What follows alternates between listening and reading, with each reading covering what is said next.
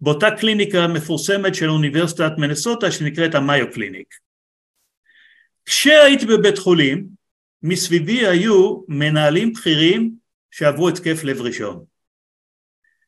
אז אמרתי, אני, אני כבר נמצא פה, אני אעשה מחקרון קטן, לא מחקר אה, עוד לפני שגמרתי דוקטורט. ואז היה לי קבוצה של קרוב לשלוש מאות פרופסיונלים שהתגברו על התקף לב ראשון. עכשיו, אף אחד מהם לא היה לו סימנים לפני כן שמשהו הולך לקרות, זה קרה ככה ביום אחד. ואני יצאתי מבית החולים, נשארתי עוד שבועיים לגמור את האינטרוויו שלי, לבוש בחלוק לבן, אפילו לא דוקטור, ושאלתי אותם שאלה אחת, מה אתם חושבים הייתה הסיבה העיקרית למצב שלכם? זה רק פרספשן. השוק שלי היה ש-90% אמרו לי שמשהו שקשור לעבודה.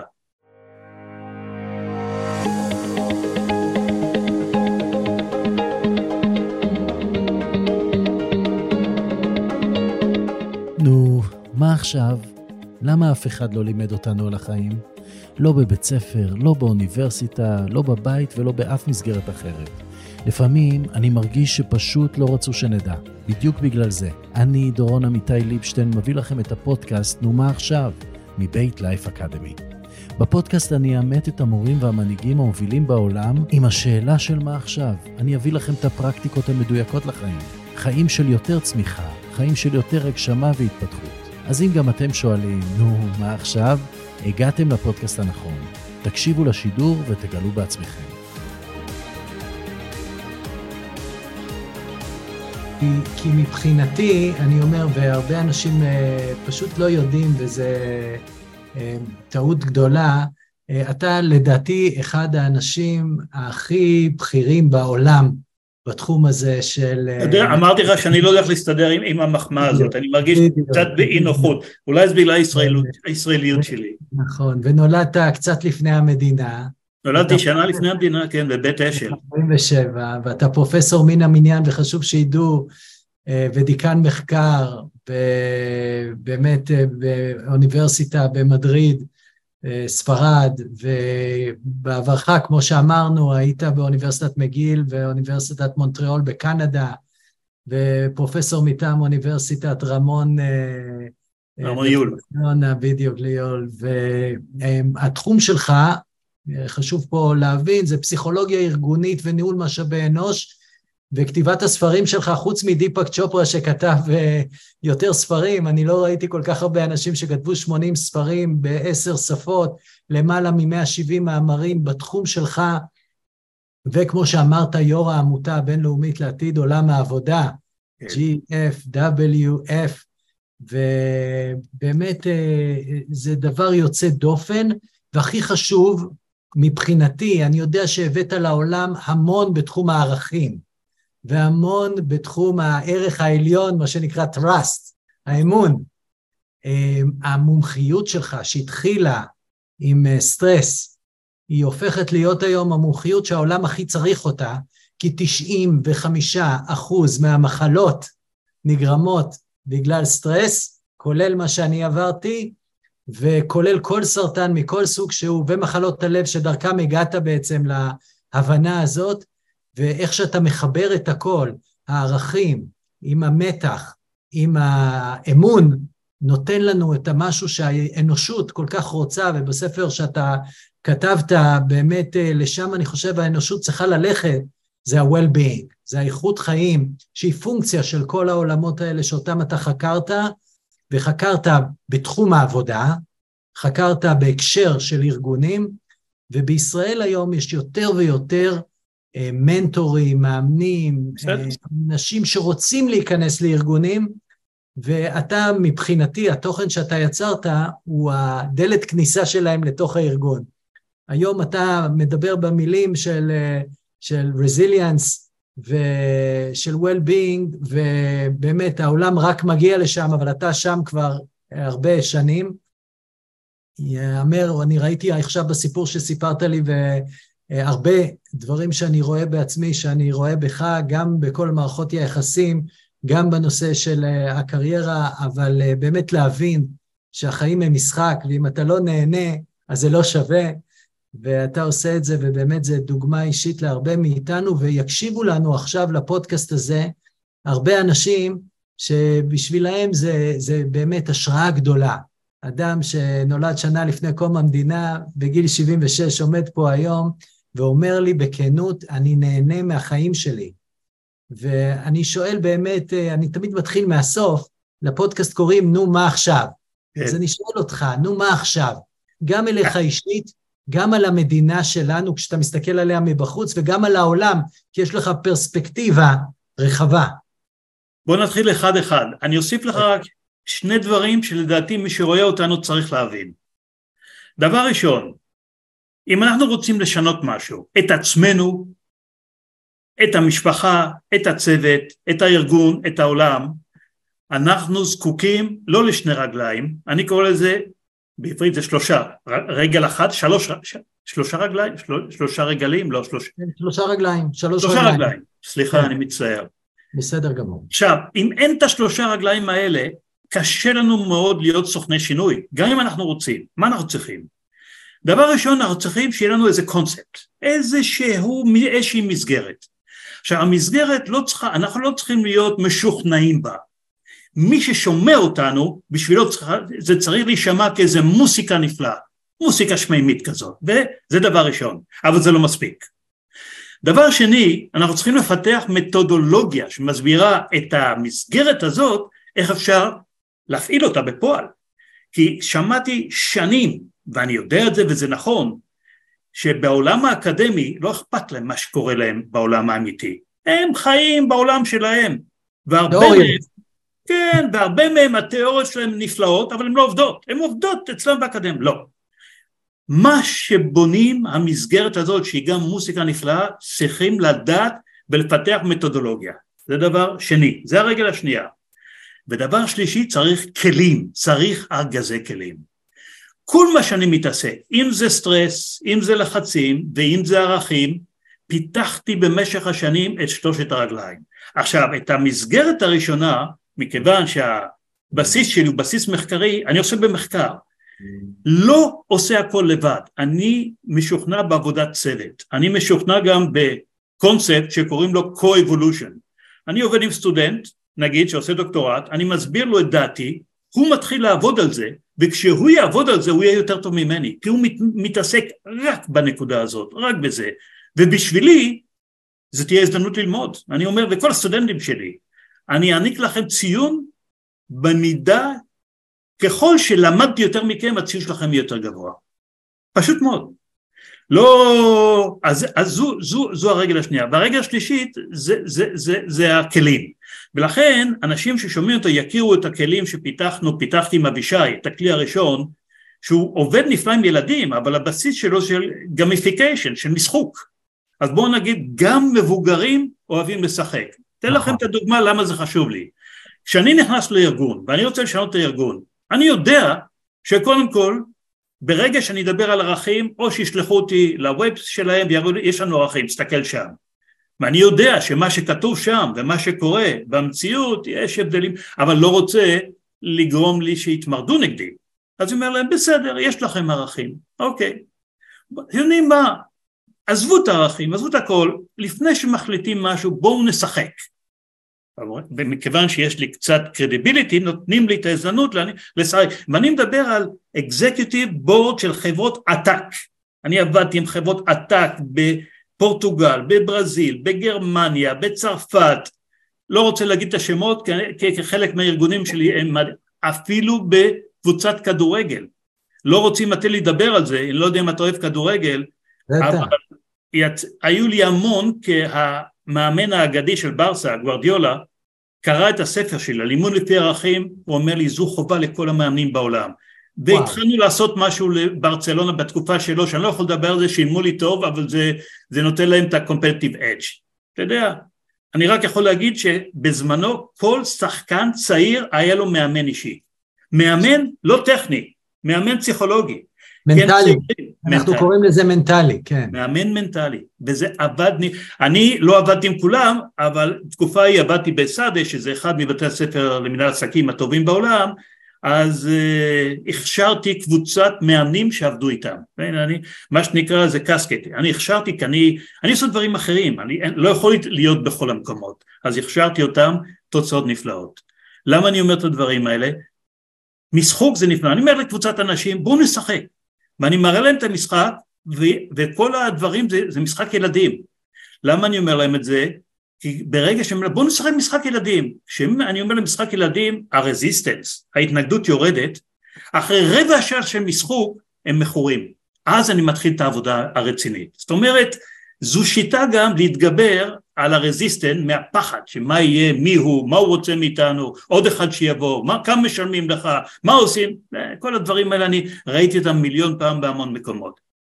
ותדע לך, בתקופה הזו עד שהם לא מגיעים, הקבוצה הזאת, למצב, וזה יכול לקחת חודש, חודשיים או אף פעם, שבהם הם מגיעים למשחק, אנחנו מבינים את משהו, את המסר, והוא יכול להיות השדרן שלנו. צריך שיהיה גם מסר וגם שדרן. לפעמים המסר טוב והשדרן לא טוב. לפעמים השדרן מעולה אבל אין לו מסר.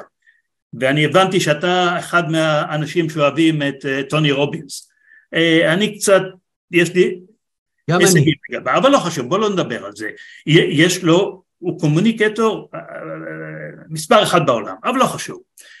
אני, אני חושב רק במילה אחת, ואני... לא, לא, ואז אני אעצור. אבל היום הכלים כולל, כוללים גם, בגלל שלא יגידו לי שאני דינוזאור של ה-47, כל מה שאני מפתח יש גם אפ אונליין עם אייפון, הכל הכל, זאת אומרת אנחנו מפתחים את כל הדברים וכשאני מפתח את זה אני עושה את הדבר שכל החברים שלי אומרים לי למה אתה עושה, יש לך תוכנית עבודה? אמרתי לו לא, אין וזה עולה לך הרבה כסף להשקיע באפליקה, אני אומר לו כן ואני אומר ומי ימכור לך את זה? אמרתי לא יודע, לא אני, אני אמצא מישהו שיש לו passion, שיודע איך לעשות את זה ויעשה את זה הרבה יותר ממני ויעשה הרבה יותר כסף ממני. לי יהיה חלק מזה, אני אחזיר לעצמי, ככה זה עובד. זה דבר ראשון. דבר שני, ובזה אני מסיים ותן לך לשאול, לפני בערך שש שבע שנים ראיינו אותי באירלנד. ויש להם מה שנקרא The Irish Times, זה כמו Financial Times, יש את ה-Irish Times. וב-Irish Times כשראיינו אותי שאלו אותי איך אתה יכול לדבר על זה שעבודה יכולה להיות משחק, עבודה זה דבר רציני. אמרתי לזה שגיאה גדולה כשאנשים עובדים ומשאירים את סוף השבוע על מנת ליהנות שיהיה להם כיף, לא. בואו נשנה את זה, ואז אני אשתמש במילה, במשפט באנגלית, אבל זה אומר את הכל. What we need to do is to convert the phrase of thanks God it's Friday to say thanks God it's Monday. זה מה שאנחנו צריכים לעשות. צריך, התפקיד של, של מנהל, של לידר בארגון, זה לא לתת לאנשים לשחק, אבל שיהיה להם את הכיף לעשות מה שהם עושים, לעזור להם להתפתח, לא רק לתת להם משרה יותר גבוהה או לתת להם עוד מאה, אה, זה לא מספיק, כי החלק המנטלי, החלק האינטרינזי, לגבי אנשים, בעיקר בדור שבו אנו חיים, הוא מאוד חשוב. הדור החדש מתחיל להבין את זה, דרך אגב. בשבילם, לא אכפת להם לא ללכת לא למיקרוסופט, ואני יודע את זה מה-MBA שלנו. לא, לא אכפת להם ללכת לסטארט-אפ, העיקר, ולא אכפת להם להרוויח פחות, אני לא אומר שהם יעבדו חינם, אבל שיהיה להם כיף לעבוד, שישמעו אותם, שייתנו להם להתפתח, שייתנו להם להיות קריאטיב. זה מה שרציתי רק להוסיף. נכון, נכון. אני קודם כל מסכים עם, עם כל מילה שאתה אומר, ואני חושב שאחד הדברים שצריכים להיות לא רק לכאלה שעובדים בחברות, אלא בכלל, לאנשים צריך להיות הכיף לקום בבוקר לעבודה, כמו שאתה משדר פה, וכמו שאני מרגיש גם כן, שזה זכות בשבילנו, שאנחנו עושים את מה שאנחנו עושים, ושאנחנו מגשימים את עצמנו גם בעבודה. והצעירים, הילדים שלנו היום, לא מוכנים להתפשר על זה. לא מוכנים להתפשר על מקום שאין בו משמעות, ואני יודע שאתה כותב הרבה על משמעות, ואין בו well-being, איכות חיים, ושהם לא נהנים. מה שאנחנו בעבר היינו מוכנים לסבול ולעבוד במקומות עבודה, עיקר הפרנסה, או יום אחד אני אגיע, אתה יודע, לפרופסורה, ואז אני אעשה מה שאני רוצה. אבל uh, בדרך עברנו לפעמים מוכנים uh, לעבוד בעבודות שלא עשו לנו טוב, ושם שילמנו את המחיר הבריאותי, ואת המחיר של חוסר ההנאה, ואחר כך זה יוצא על הילדים שלנו והבני זוג שלנו והחברים שלנו, כי כשאנחנו מתוסכלים זה יוצא החוצה. אחד הדברים שאני רואה פה, שהוא דבר חדש בשבילי, מההיכרות שלי איתך דרך הפודקאסט הזה, זה האמונה הכל כך גדולה שלך בשיתופי פעולה. כן. הבסיס הזה הוא גם בסיס מאוד מאוד טוב לעסקים, אני קורא לזה ברית מוארת, לא ווין ווין. כשאני עוזר לך זה כשלעצמו עוזר לי, כשאתה עוזר לי זה כשלעצמו עוזר לך, ויצרת פה עם השותפים שלך, בין אם זה זה שאתה כותב איתו ספרים, בין אם זה אלה שבאים לעשות אצלך דוקטורט, מערכת יחסים לטווח ארוך, זה לחיים. זה, מכיוון שכמו שאתה אמרת, אני לומד מהם והם לומדים מי, וביחד אנחנו מייצרים עולם יותר טוב, וגם לדעתי הבאת פה עוד משהו שהוא חוכמת המנהיגות, שמנהיג טוב מגדל מתחתיו מנהיגים יותר טובים ממנו. ו... ולפ... ולפעמים זה הבזק של שנייה, לחשוב על הרגע, אתה יודע, כשדיברתי על הנישואים שלי, כשהתחלתי לגור עם אדלה, אדלה עזבה את המשפחה, עזבה את הכל, פה ילדים גדולים, ועברה לגור איתי בקנדה. בקנדה היא מאוד אובזרבטיבית, היא ראתה דבר שאני לא ראיתי, היא ראתה שכבר הגעתי לטופ ומתחיל להיות לי משעמם, וזה דבר גרוע. אז היא החליטה להביא אותי למקום שיכול להתפתח יותר, ואני לא רציתי לעזוב, להיות במגיל עד שהגעתי בפול פרופסור וכספים וזה, אז היא אומרת לי, אתה צריך לבוא לגור איתי בספרד. התשובה שלי הייתה, ככה לפחות אנחנו, מה את רוצה ממני בספרד? זה עולם שלישי בשבילי, הם לא יודעים לעשות מחקר, הם לא חוקרים, אין חוקרים ספרדיים בעיתונות המקצועית. אתה יודע מה התשובה שלה הייתה? אז תלמד אותם. אם הם לא יודעים לחקור, תלמד אותם. וככה הגעתי לאסאדה. אסאדה היה בית ספר למנהל עסקים מדורג גבוה, אבל הוא היה בית ספר שידוע באיכות ההוראה שלו, לא באיכות המחקר. אז היו, היו שם מרצים נפלאים, אבל הם לימדו דברים של העבר, מה שהם ידעו, מה שהם למדו, לא, בכדי ללמד את העתיד, אתה צריך לקרוא, אתה צריך לדעת מה קורה, אתה צריך להיות, אז, אז מה שביקשו ממני להצטרף שם, זה ליצור תרבות מחקר במקום שלא היה בו, תרבות של לנסות, מה שנקרא אה, לשים את, ה, את הידיים במים, גם אם לוקחים קצת ריסק, קצת ריסק, ואז הפכתי את הכל, וזה קל להפוך ארגון שהוא ארגון טוב לארגון מצוין. קשה להפוך ארגון רע לארגון מצוין, אבל ארגון שהוא טוב, ופה יש דירוגים, אז הפכתי אותו לארגון שהוא היום מדורג בין ה-15 אוניברסיטאות במנהל עסקים מובילות בעולם. דרך אגב, היו לי כמה סטודנטים ישראלים שלמדו בסאדה גם, וגם דוקטורנטים, לפחות ארבעה שהם ישראלים, שמסתובבים היום בפרו, בהונג קונג, בישראל, בכל מיני מקומות בעולם. אז אה, עכשיו לא עשיתי את זה לבד, לא רוצה לקחת את הקרדיט, נתנו לי לשחק, הם קראו את הספר שלי ניהול לפי ערכים ושאלו אותי זה אפשרי? אמרתי כן. ואז אני רוצה לתת דוגמה קטנה ממה שאנחנו עשינו ב ESADE דבר ראשון אין פרופסור שמלמד משהו שאין לו passion, שאין לו תשוקה, אין דבר כזה, גם אם הוא טוב. כי הדבר היחידי שיהיה sustainable זה ה passion אני יכול ללמד, אני יכול להיות נהג טקסי, ויש אנשים, אני מכיר אה, מהנדסים שבתקופות קשות הם עובדים באובר, אבל הם לא יעשו את זה כל החיים, הם למדו להיות מהנדסים, הם רוצים להיות מהנדסים, עכשיו באוניברסיטאות קוראים דברים, לא, זה השטח שלי, אף אחד שלא ייגע בי, זה שלי, זה אני מלמד וכולי, בסופו של דבר זה נשבר. אני למשל, כשנכנסתי, אין לי סבלנות, וזו בעיה שלי אישית, לסטודנטים צעירים. לאלה שלא עושים את, ה, את התואר הראשון. אז אני לא נכנסתי ולא לימדתי. אני אוהב יותר לעבוד עם executive, executive MBA אוהב לעבוד עם דוקטורנטים. מסיבה פשוטה אני facilitator, אני לא מלמד אותם, אני לומד מהם זו הזדמנות ללמוד interact וזה עושה לך כיף בלתי רגיל. כשאני אמרתי את זה ב ESADE שיניתי את התוכנית שבהם הפרופסורים מקבלים ה promotion שמלמדים קורסים. יש קטגוריות. ואז שאלו אותי אבל צריך ללמד כמה קורסים? ואם אף אחד לא רוצה ללמד את זה? אז, אז אמרתי להם אז נביא אנשים מבחוץ שילמדו שיש להם תשוקה ושיודעים. אין בעיה זה הפך את הכל. זה לקח שש שבע שנים. זה לא קרה ב... אבל היום שתסתכל אני מסתכל על זה בגאווה. ESADE שזו אוניברסיטה ספרדית לא הרווארד לא סטנפורד אבל תלוי איזה ranking אתה מסתכל, אם מסתכל על ה Wall Street Journal הם למעלה ו Financial Times הם למעלה ו Business Week. אז באחד הם מספר שלוש, באחד מספר חמש, באחד הם, הם למעלה, אתה מבין? עכשיו, קשה לשמור על זה, לשמר את זה עוד פעם, כי צריך להתחדש ולחדש כל הזמן, וכשאתה מחדש ומתחדש, אתה תמיד לוקח risk, אין ברירה. אנחנו צריכים להיות לא risk aversion, risk taking, אבל calculated risk. צריך להיות קריאטיבי. זה בעצמך, זה בעצם מה שאתה עושה בעצמך, אתה כל הזמן מחדש, גם מחדש מודלים שכבר בנית, ומביא נכון. להם את ה edge החדש. עכשיו באמת כל העולם מדבר על resilience, נכון. ועל חוסן. אמ, למה זה חשוב לארגון לקחת אחריות על החוסן של העובד שלו? זה מאוד מאוד חשוב, פתאום אנחנו רואים ארגונים שהם אחראים עכשיו על כל ה-360 של העובד, ועדיין יש ארגונים ישנים שאומרים, מה שפרטי זה פרטי, אל תביא לעבודה את מה שהבית. טעות גדולה. זו טעות גדולה, טעות גדולה, כי אי אפשר להפריד בין עולם העבודה ועולם המשפחה והעולם שמחוץ לעבודה.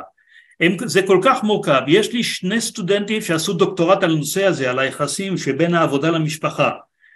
אה, אני אתן דווקא דוגמה מתחום שבו היום אני עובד על, עליו הרבה ב, בספרד, וזה דבר, זה פרויקט דרך אגב מועיל אלטרואיסטי שלי, פרויקט שאני מאמין בו, אה, אני חושב שאולי זה גם יכול להתאים בארץ, לא יודע, אני לא, לא, לא בקיא, אבל אני עובד היום על המשטרה. מש, המשטרה בספרד יש להם, אה, יש משטרת מחוז, יש משטרה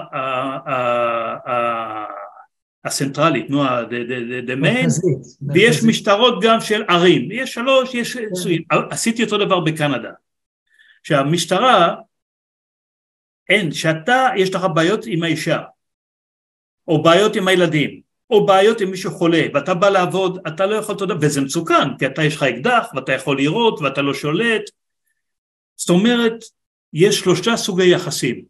אחד, אנחנו קוראים לזה ספיל אובר, זאת אומרת מה שקורה לך במשפחה משפיע על העבודה ומה שקורה לך בעבודה משפיע על המשפחה ולכן זה חשוב מאוד גם במשפחה לקבל את הדבר הזה, ענת גרתי בארץ עושה הרבה עבודה עם שי צפרי על הנושא הזה, על, על מערכות היחסים בין עבודה ומשפחה ובין מאוד מאוד חשוב למצוא איזשהו מכנה משותף ולפעמים כדאי לעזוב עבודה בשביל לשמור על בריאות משפחה ולפעמים עוזבים משפחה בשביל העבודה אבל סך הכל הסינרגיה צריכה להיות שם. 68 אנשים בכל התחומים בעולם עובדים בספיל אובר, אנחנו יודעים את זה, זה נתונים. קצת פחות מזה, אחוז מסוים יש להם את ה-capacity, יש להם את האפשרות לעשות segmentation, זאת אומרת מה שקורה במשפחה משפחה, מה שקורה בעבודה בעבודה, אבל זה מיעוט. וחלק מהאנשים, שזה מאוד גרוע, הם עושים מה שאנחנו קוראים לזה compensation, זאת אומרת, רע לך בבית, לך תחפש את האושר בעבודה. רע לך בעבודה, לך תחפש את האושר במשפחה עם המרק הטוב של סוף שבוע וכולי וכולי. זה לא פתרון. ולכן הספילובר הזה אומר, הארגון, קודם כל מה זה ארגון? וזה, בוא נתחיל בצורה פילוסופית שאנחנו לא שואלים את השאלות האלה. האם נוצרים ארגון על מנת לשרת אנשים, או האם יש לנו אנשים לשרת ארגון?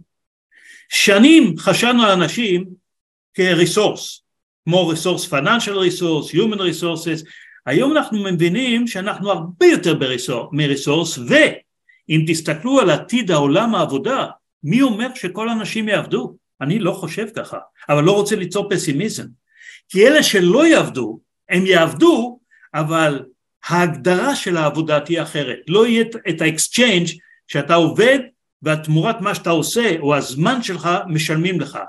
יהיה סידור אחר, צריך לחשוב על סידורים אחרים בעתיד, צריך לפקוח את העיניים, האם יש robots היום, היום יש artificial intelligent, יהיה מגוון גדול, אני העמותה שלי לא למטרות רווחים, אני שם כסף בעמותה, אבל אני עושה כיף לאנשים, יש לי הרבה אנשים מבוגרים שהיו אנשים מאוד חשובים בארגונים שלהם, לא תכננו מה הם יעשו כשהם יצאו לפנסיה, והיום כשאתה בן 65 אתה לא מבוגר, המוח עובד, אתה יכול לתרום, אבל אף אחד לא רוצה אותך. אף אחד לא רוצה אותך, גם בגלל חמישים לא רוצה אותך. זו הייתה הסיפור שלי, ואני מקווה שאבישי, אם הוא רואה את זה, אבישי אחי, אבישי אחי אף פעם לא קרא את הספרים שלי. להורים שלנו הפרספשן היה, יש להם שני ילדים, אחד מבוגר שהוא כזה באוויר, הוא פרופסור, כנראה נצטרך לעזור לו כספית כל החיים, ואחד שהוא סמלכ"ל של חברות עתק בישראל, של בטח אתם יודעים את הזהו שלו, בסדר, אבל יום אחד החברה שלו נקנתה על ידי חברה אחרת ולא צריכים שני סמנכ"לים. והצעיר יותר הוא יותר זול והצעיר יותר יותר זה והוא חשב שתוך שלושה ארבעה ימים בשוק הישראלי ימצא עבודה הכל בסדר זה לא קרה למרות שזה היה בן חמישים וכמה. והוא אהב את העבודה דרך אגב מאוד מסור מאוד זה. ואז בשביל התחילו כל הסימנים שאני הכרתי אותם. הוא עשה סימן שכואב לו הלב ולא יכול לישון בלילות וכדורים וזה. אמרתי לו אבישי שבוע בברצלונה, קח את הזהו, אנחנו עושים, מתחילים מאפס. וככה התחלנו את האמון תדברו איתו, תשאלו אותי אם הוא מושר, הוא האדם מהמושרים בעולם, אין לו את הזהו דרך אגב, יש דברים שהוא עושה בין השאר הרבה יותר טוב ממני כי הוא אימן הרבה יותר קבוצות ממני. אני כותב, אני מאמן לפעמים מפעם לפעם אבל כמות האימון שהוא עשה וענת הייתי אומר לא פי עשר פי מאה. והיו לו את הפחדים שאולי הוא לא יצליח ואולי זה לא יהיה טוב וזה. הוא פיתח את הנישה שלו והוא צריך להכניס את הנישה שלו לא את שלי. אני נתתי לו את הבסיס משם הוא מתחיל לרוץ.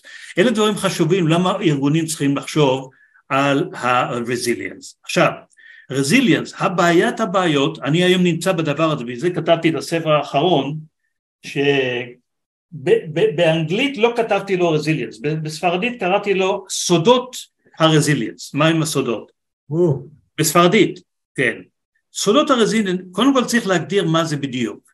כמו שבסטרס, אתה בא לרופא, אתה בא לפסיכולוג, כולם מדברים על סטרס, אבל הם לא יודעים מה זה, ועדיין ממשיכים לדבר על סטרס חיובי, שלדעתי זה מעביר צמרמורת, אין סטרס חיובי. כל מה שגורם, מה שנקרא באנגלית, wear and tear to the body or to the soul, הכיף הכי גדול שלי הכיף הכי גדול שלי זה להיות מוקף באנשים חכמים ללמוד מהם. אני, אני, אני, אני פשוט, אני לא מפסיק, אני שאני הסטודנט הניצי, השוק הכי גדול בחיים שלי היה ב-1977 כשגמרתי את הדוקטורט ואמרו לי זהו אתה כבר לא סטודנט. אז אני אבל מסרב וככה אני ממשיך לעבוד, אני מקיף את עצמי עם אנשים שאני יכול ללמוד מהם, כל הזמן, כל הזמן, כל הזמן.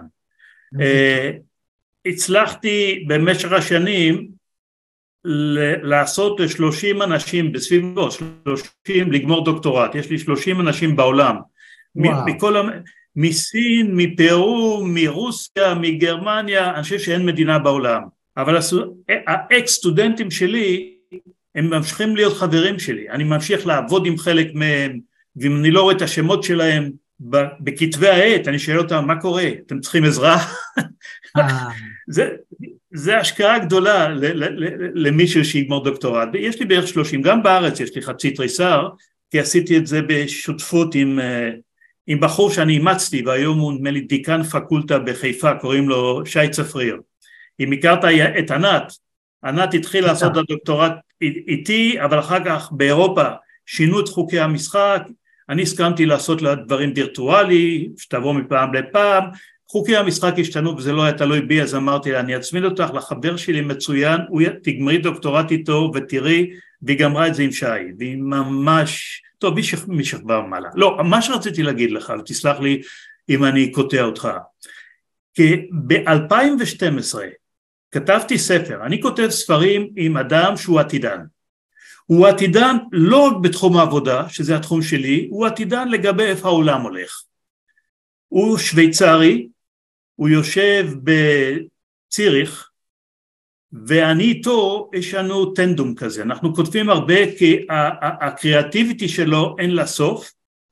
לי יש אמנם בסיס קריאטיבי חזק, אבל מכיוון שיש לי בסיס יותר uh, מדעי, אני צריך מספרים, אני צריך uh, מחקר, היום אני עושה דברים שהם חצי מחקר וחצי הייתי אומר כמו ז'ול ורן, אתה יודע, שכותב על העתיד, וזה, ואני אוהב את זה דרך אגב, זה חצי חצי חצי, היום חצי, חצי מחקר וחצי, בואו אני אגיד לכם מה הולך לקרות, ותקבלו תקבלו, לא תקבלו, אל תאשים אותי, צריכים, אנחנו לא נחיה את העתיד, ולכן גם אני אסביר לך כאן את העבודה. ב-2012 כתבתי עם מריו ספר שאם אני אתרגם אותו לעברית, הוא לא תורגם לעברית, זה אחד הספרים היחידים שלא תורגמו עדיין, אבל הספר נקרא Beyond Society, איפה הספר פה? פה מאחורה אתה רואה חלק מהספרים, אין לי מקום, יש לי למעלה מ-80 ספרים, אני לא יודע איפה לשים אותם, ובשפות שונות, אבל זה נקרא Beyond, אה הנה, אני אוציא אותו.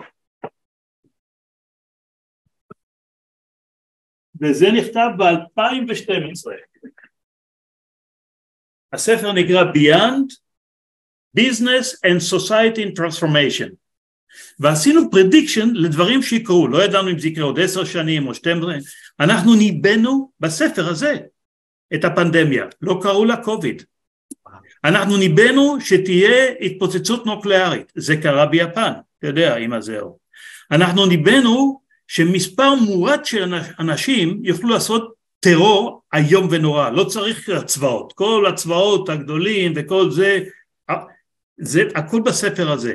ניבאנו את בעיות האקלים, הרבה דברים, מה שעשינו, אה, עשינו איזה מחקר קטנטן ומצאנו חמישים מה שנקרא אנשים חכמים בעולם, בכל מיני שטחים, ואמרנו להם מה אתם חושבים עומד לקרות בשנים הקרובות בנושאים שבהם אתם מתמחים.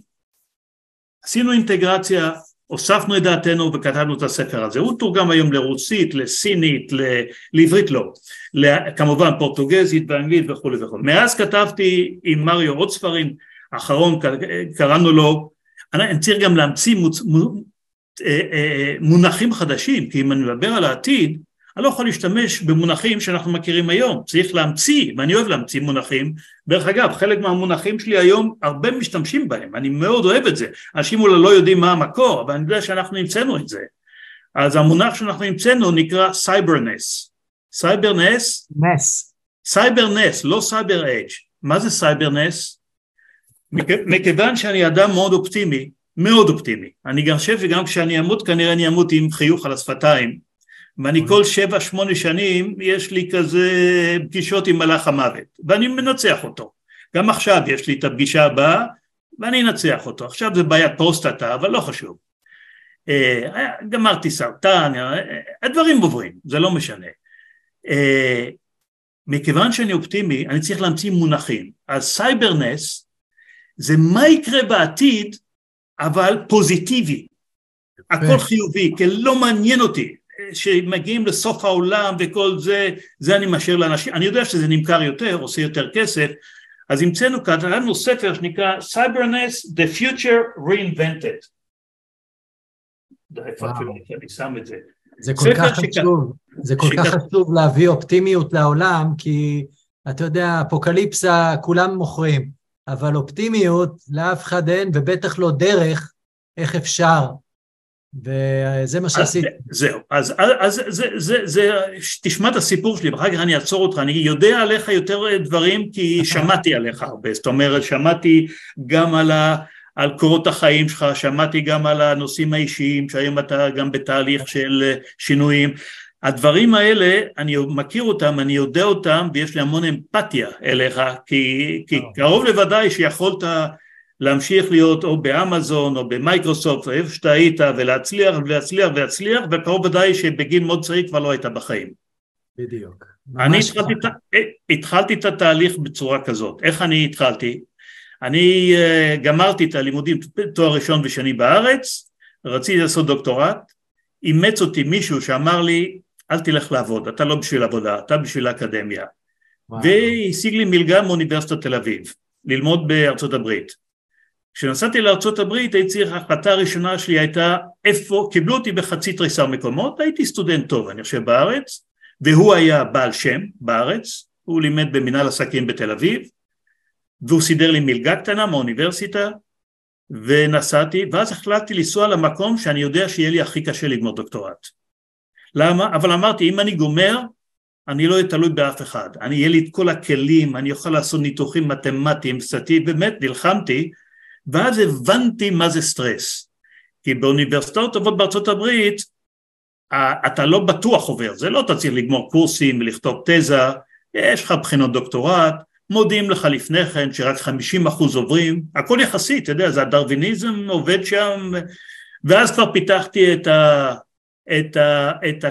את ה... את ה... איך אומרים? את הגרורה הראשונה שלי שהייתה לי פה, ואז אמרתי, אם זה סרטן, אני אלחם בזה, ואם זה לא סרטן, אז קודם כל אני, יהיה לי, אה, זה, זה החלטה שלי, יהיה לי איזה זה זקנקן קטן. כן. הזקנקן הזה מזכיר לי, שאני לא אשכח, זה ריטואל. וואו. בחיים לא צריך שיהיה סטרס, לעשות את כל מה שאתה יכול, אבל בלי להיכנס ללחצים, כי הלחצים הורגים. למזלי אבל, תשמע איך ממר יצא, זה, זה היה ביניים, זה לא היה סרטן, וניתחו אותי באותה קליניקה מפורסמת של אוניברסיטת מנסוטה שנקראת המאיו קליניק. כשהייתי בבית חולים, מסביבי היו מנהלים בכירים שעברו התקף לב ראשון. אז אמרתי, אני, אני כבר נמצא פה, אני אעשה מחקרון קטן, לא מחקר אה, עוד לפני שגמרתי דוקטורט. ואז היה לי קבוצה של קרוב לשלוש מאות פרופסיונלים שהתגברו על התקף לב ראשון. עכשיו, אף אחד מהם לא היה לו סימנים לפני כן שמשהו הולך לקרות, זה קרה ככה ביום אחד. ואני יצאתי מבית החולים, נשארתי עוד שבועיים לגמור את האינטרוויו שלי, לבוש בחלוק לבן, אפילו לא דוקטור, ושאלתי אותם שאלה אחת, מה אתם חושבים הייתה הסיבה העיקרית למצב שלכם? זה רק פרספשן. השוק שלי היה ש-90% אמרו לי שמשהו שקשור לעבודה. וואו. ואז הגעתי למסקנה, בזמנו לא קראתי לזה סטרס, ואז הגעתי למסקנה שצריך לחקור, שכנראה יש משהו מנטלי שהוא לא פיזי, שלא רואים אותו, אי אפשר לנגוע בו, אין לו צבע, אין לו ריח, אבל הוא הורג, אבל הוא הורג. ואז עשיתי מין סיבוב כזה, ובמקום להתמחות רק בניהול משאבי אנוש, שזה היה שטח שלי, אמרתי, אני אחבר משאבי אנוש לפסיכולוגיה ולרפואה, בעיקר לרפואה פסיכוסומטית. וכתבתי אז על המאמר פשוט, המאמר הראשון שלי אולי, על מה משמעות ההצלחה בחיים. אנחנו לא חושבים על זה, רוב האנשים מתחילים לחשוב על זה כשהם נמצאים בקריזיס. ואז המודל שלי בזמנו היה מודל של שני, שני דמנשן. על דמנשן אחד אמרתי הצלחה בחיים זה הצלחה בעבודה, נכון. אבל זה גם הצלחה אישית. והגדרתי הצלחה, אתה יודע, פשוט מאוד, על, על, זה, זה, שניים על שניים, אם אתה יכול קצת לחשוב. אמרתי, אם אתה בריא בנפש, ברוח ובגוף, זו הצלחה. אם אתה חולה, כמובן שחולה, אז אתה לא מצליח. בעבודה, אם אתה תורם לארגון, והארגון יותר בריא, אתה מצליח, ואם אתה לא תורם בארגון, אז אתה לא מצליח. מדהים. ואז הסתכלתי על ארבעת האפשר... הקונפיגורציה, אמרתי כמובן שאני רוצה שיהיה הווין ווין, גם להיות בריא, ברוח בנפש, וגם להצליח בעבודה. הרבה אמרו לי זה בלתי אפשרי, בסדר.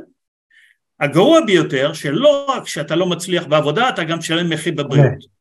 אבל קורים הדברים ההפוכים, כנראה שזה מה שקרה אצלך, אתה מצליח מאוד בעבודה ומרימים אותך על כפיים, ואין לך ימים ואין לך לילות ואין לך זהו, אבל אתה משלם את המחיר הבריאותי, לדעתי זו לא הצלחה. נכון. ההפך הוא גם לא נכון, שעל מנת לשמור על הבריאות שלך אתה עושה את המינימום, אתה לא נותן את כולך ואז לארגון זה לא טוב. עם המודל הזה יצאתי לדרך, גמרתי את הדוקטורט וקרא אותו במקרה אדם שפעמיים הוא מונה, מונה, התמנה, נומינטד. מונה. הוא המציא את המושג סטרס, הוא הוא היה במונטריאל, קראו לו האנסליה פעמיים. וואו. והוא אמר לי, קראתי את המאמר שלך, אני רוצה שתבוא למונטריאל לעבוד איתי. כך הגעתי למונטריאל. לא ידעתי אפילו שמונטריאל מדברים צרפתית. במשך עשרות השנים למדתי הרבה שפות, כי אני אוהב שפות. בבית, לא יודע אם אבישי סיפר לך, בבית ההורים דיברו פולנית וגרמנית, כי לא רצו שאנחנו נבין על מה שמדברים, אז אנחנו הבנו. קלטנו את השפה. כילד דיברתי פולנית שוטף וגרמנית שוטף. היום אני מבין, אבל אני לא, לא מדבר. בכל מקרה, אבל מאז למדתי אנגלית וצרפתית, ספרדית, קטלנית, וזה טוב, כי כשאתה מרצה ואתה אומר להם כמה משפטים בשפה שלהם, אז זה גורם לאמפתיה ואנשים אוהבים אותך, שומעים אותך יותר. בקיצור, ככה הגעתי למונטריאל, עבדתי עם האנסליה, תראה, תראה, תראה מי זה האנסליה, את השם שלו, הוא הוא אימץ אותי כילד שנתיים נתן לי אפשרויות להתפתח, הוא עבד במעבדות, הוא רופא היה, אני הקמתי צוות שכולם אמרו לי אתה תיכשל, צוות בין תחומי, בין דיסציפלינרי, אמרתי להבין לחצים, להבין מה קורה בטוקסולוגיה, צריך שיהיו גם פסיכולוגים וגם רופאים וגם זה, והיה מאוד קשה, אני רוצה להגיד לך, כי מה שחשוב לאנשים בתחום אחד זה שולי לאנשים בתחום אחר, אבל אני חושב כלידר טוב באקדמיה הצלחתי לגבש צוות והצוות הזה הפך לידוע ביותר. עד כדי כך הצלחנו, אני פרסמתי המון, שבגיל 40 כבר נתנו לי מינוי של פרופסור מן המניין, שזה ה top ב... ב אז, אז תשמע, אז דרך אגב, עבדתי קשה, פרסמתי הרבה, בזמנו עשיתי שטות, כי פרסמתי גם דברים שלא היה לי passion. פרסמתי על מנת שזה אינסטרומנטלי למינוי שלי, ידעתי לשחק את המשחק האקדמי. ברגע שקיבלתי את ה full professor אמרתי החיים משתנים. היום אני רק עובד עם אנשים שכיף לי איתם, אני רק כותב ורק חוקר דברים שכיף לי איתם, ומגיל 40 עד גיל 76, אני עכשיו 36 שנים, אני ביופוריה, בגלל שכיף לי, כיף לי, כיף לי הכל. טוב, היה לי גם סיפור אישי בינתיים, כי הייתי נשוי לאישה ישראלית, שראתה אותי גודל, אבל התפתחנו לצערי הרב לא באותם כיוונים. האח שלה היה, הייתי המפקד שלו בצבא בארץ, הוא דרך אגב אחר כך התפתח יותר להיות סגן מפקד קצין רפואה ראשי של הצבא, mm. תמיד אמר לי יש לי אחות חמודה וזה וזה, הוא אומר לי טוב משה אל תבלבל את המוח, בסוף ניסיתי לה, הייתה צעירה, היא גם אמרה לי שהיא בהיריון, אבל לא חשוב, זה סיפור אחר. היינו עשרים שנים טובות, אחר כך החלטתי אה, לעזוב, בגלל שאני לא נשאר לא בארגון שלא טוב לי ולא במסגרת חברתית שלא טוב לי. אלה חוק, החוקים שלי. נהדר. היא לא הייתה אשמה ואז הפעלתי את מה שאני חושב, זה הערכים שלי. אמרתי לך, טוב לך איתי כבעל והיא אמרה לי על איזה סולם? אמרתי לה אפס עד עשר, היא אומרת אתה אפס כבעל. אז אמרתי לה ומה יקרה בעתיד? לא יודעת, היא אומרת לי, אז למה את לא רוצה לעזוב אותי? את צעירה, אני יחסית צעיר, אם, אם, אני, אם אני לא מספק, צריך לעשות משהו. היא אומרת, לא, אבל אתה, אתה בעל גרוע מאוד, אבל אתה אבא טוב. Mm. אתה גם נותן פרנסה טובה. Mm. אתה, כמו הרבה יהודים, אתה לא שותה ואתה לא אלים. אז אני לא יודע, אולי החיים זה כאלה, אמרתי לה, טועה. ואז ניהלנו משא ומתן. אמרתי לה, תקחי לך עורכת דין, אני אעזור לך בכל מה שאני יכול. היא עבדה, דרך אגב, פסיכולוגית ועבדה. ואז אה, נתתי, השארתי לה את הכל, יצאתי עם אה, מזוודה, אבל הייתי מאושר. הילדים לא כל כך אהבו בהתחלה בגלל שהאימא בכתה, אבל אחר כך הכל הסתדר. השארתי לה בתים, מכוניות, הכל, אמרתי אני מתחיל מאפס, ואמרתי לה, מבחינה כלכלית, מכיוון שאני, היה לי יותר כספים, אני אתן לך קרוב לאלף דולר לחודש עד שיהיה לך בן זוג, או אם, אם אני אמות אני לא אשלם, או שתהיה לי בעיה כספית אם אני לא אהיה לי עבודה, אבל עד גיל 65. מכיוון שהיה לה לא כל כך אופי נוח, היא עד גיל 65 שילמתי לה אה, פנסיה. לא, לא לעזר. ואתה יודע מה, אני מאושר הייתי. רציתי לעזור לה, זו לא הייתה אשמתה. החי... לא הסתדר. לה הייתה זכות להיות מאושרת, לי הייתה זכות. אחר כך, שבוע דרך אגב, כי זה היה, אני לא, אומר, לא רוצה להכיר בוקי, אבל הקמתי עם אדם בארץ, אדם נפלא, הוא כבר אדם אה, שנפטר, פרופסור באוניברסיטת בר אילן, דוב אליצור קראו לו, כאבנו לראות בתקופת הקומוניסטים, אני מקווה שאתה חיית או שאתה יודע שבזמנו היו תקופה קומוניסטים, ודאי. לא נתנו למדענים מרוסיה, מהמזרח, לבוא למערב. אז אמרנו בוא נקים ארגון בינלאומי לחקר הערכים, והארגון הזה אנחנו נבוא אליהם, הם לא יכולים, אז כל הפגישות הראשונות שלנו, וזה היה פנטסטי לראות איך אנשים, הבנו שמה שקורה בעולם זה משטרים שגורמים לבעיות ולא אנשים, אנשים הם אנשים. ואז הקמתי את איסבוב ב-1981 או 2, היום זה כבר הפך לשד, מה שנקרא, זה ארגון גדול, הוא, הוא התחיל לחקור ערכים, כמובן שהכל השתנה בזמן נפילת החומה, ואז לפני שהפכתי לנשיא של הארגון, ביקשו ממני לארגן כנס בברצלונה, הגעתי לברצלונה, לא הכרתי ברצלונה, אף פעם לא הייתי ברצלונה, והתחלתי לחפש קשרים, מי מכיר, איזה... וכולי וכולי וכולי, להקים את הקן, והכרתי את זו שהיום אשתי. וזו שהיום אשתי, ואמרתי לעצמי, אני לא רוצה נשים בחיים שלי. אני אומר לך, לא רוצה נשים בחיים שלי. יש לי שני ילדים, הייתה לי משפחה, אני מכור לעבודה, שיהיה לי כיף. כי רק בשביל סקס, איך, כמו שאתה יודע, לא צריך נשים, לא צריך להיות נשוי. אבל התאהבתי, ובזה אני לא שולט, זה משהו של הלב, זה לא משהו לזהו. והיא הייתה בכלל לא מהתחום שלי, היא הייתה דיילת, היא הייתה רקדנית בלט, היא עדיין בזמנו, של רקדניות בלט במקומות הכי טובים בעולם, ברויאל, באופרה של פריז, וגם לא דיברת את השפה, איתה דיברתי צרפתית, כי היא עבדה הרבה שנים, לא, לא דיברתי מילה ספרדית. וככה, שבוע שלם הייתי צריך לחזר אחרי השנה, הרבה מאוד, עד שאני פיצחתי אותה, ו... ואני איתה מאז כבר עשרים וכמה שנה, אני האדם המאושר ביותר בעולם, היא הביאה אותי לספרד והיא חכמה, למדתי גם אומנות, למדתי בלט, למדתי דברים שבכלל לא ידעתי איך להתייחס אליהם, הכירה לי גם אה, פרסי נובל ב, ב, בספרות, בזה, כל מה שקשור ברקע היותר רוחני וספיריטואלי היא הכירה לי. היא גם הכירה לי, היא לימדה אותי גם לעשות מדיטציה בתקופה הזו, לעשות יוגה, הכרתי את הגורו ההודי הגדול שלה, הוא קורא לי הפרופסור, כי אני סתם מסתובב בעולם, אני מכיר אותו אישית, יש לו מיליונים מיליונים בעולם, הוא קורא לי הפרופסור, והוא גם שואל אותי, למה אתה לא נותן לי שאני, להיות, שתהיה חלק מאיתנו? אמרתי, תשמע, אני כבר אוכל צמחוני. יש, לא רציתי להגיד לו שאני לא מאמין. איך קוראים לו? אה? איך, איך קוראים לו? אם תסתכל סוס, S-O-S, אתה תראה, הוא חצי הזמן בשיקגו, על יד שיקגו, חצי הזמן בהודו, הוא מסתובב. S, קוראים לו רג'ינדר אה, ג'ין, הוא סיק, מה שנקרא.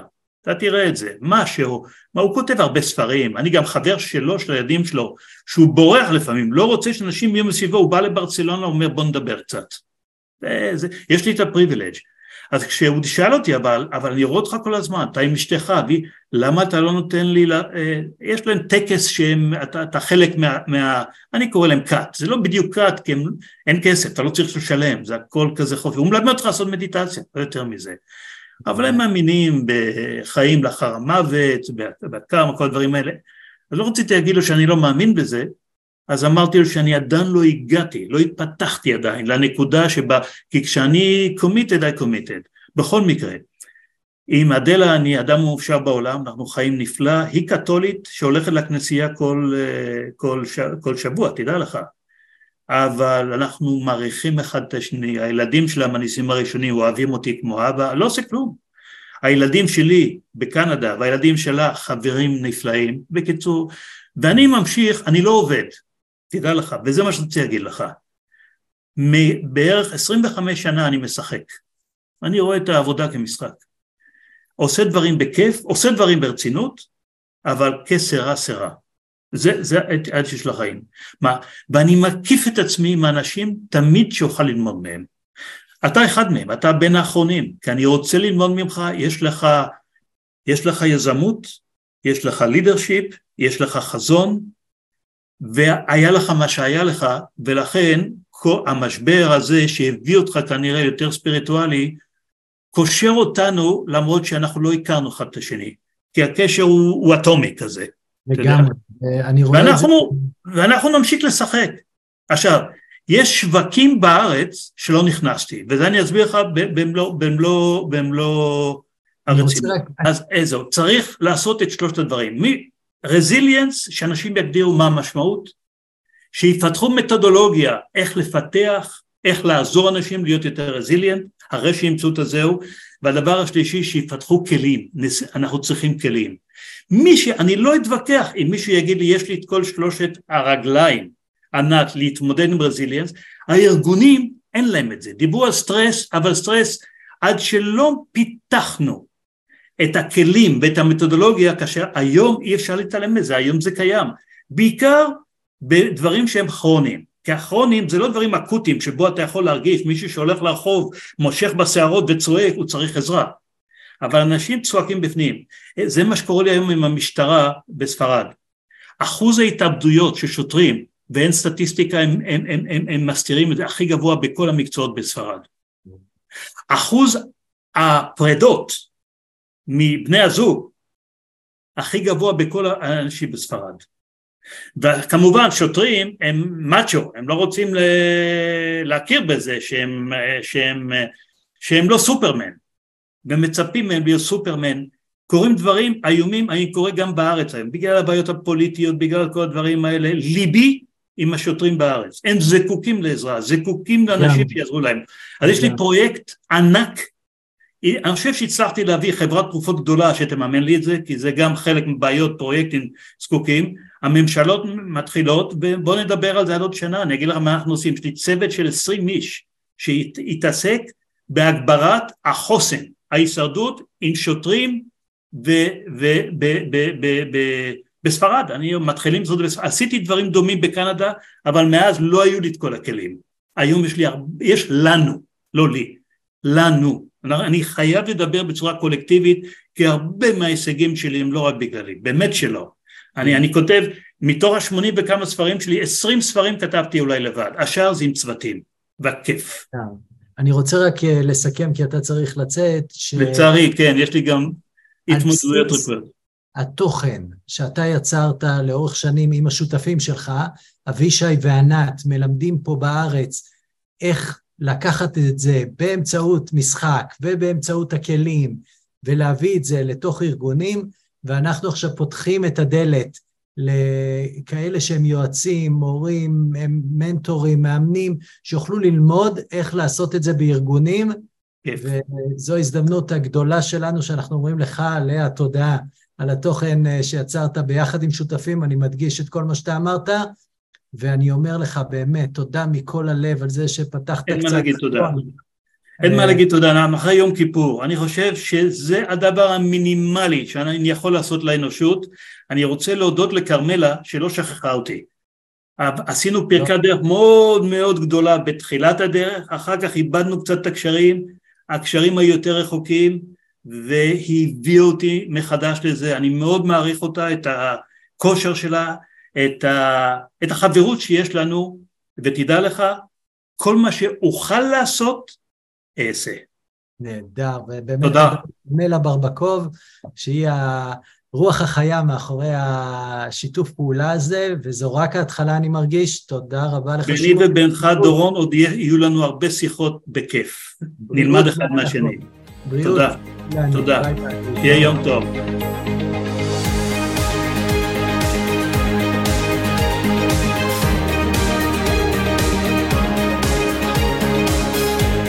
טוב חברים, הגענו לסיומו של עוד פרק בפודקאסט, נו מה עכשיו? במידה וקיבלתם ערך מהפרק הזה, עזרו לנו להפיץ את הבשורה. שתפו לפחות חבר אחד שיכול ליהנות מהערך הזה. בכל פרק מצורפות לכם שלושת הפרקטיקות עליהן דיברנו בפרק. צאו ויישמו, כי להקשיב בלי להתאמן ולממש, זה לא ממש עובד. אני הייתי דורון עמיתי ליבשטיין, ונתראה בפרק הבא.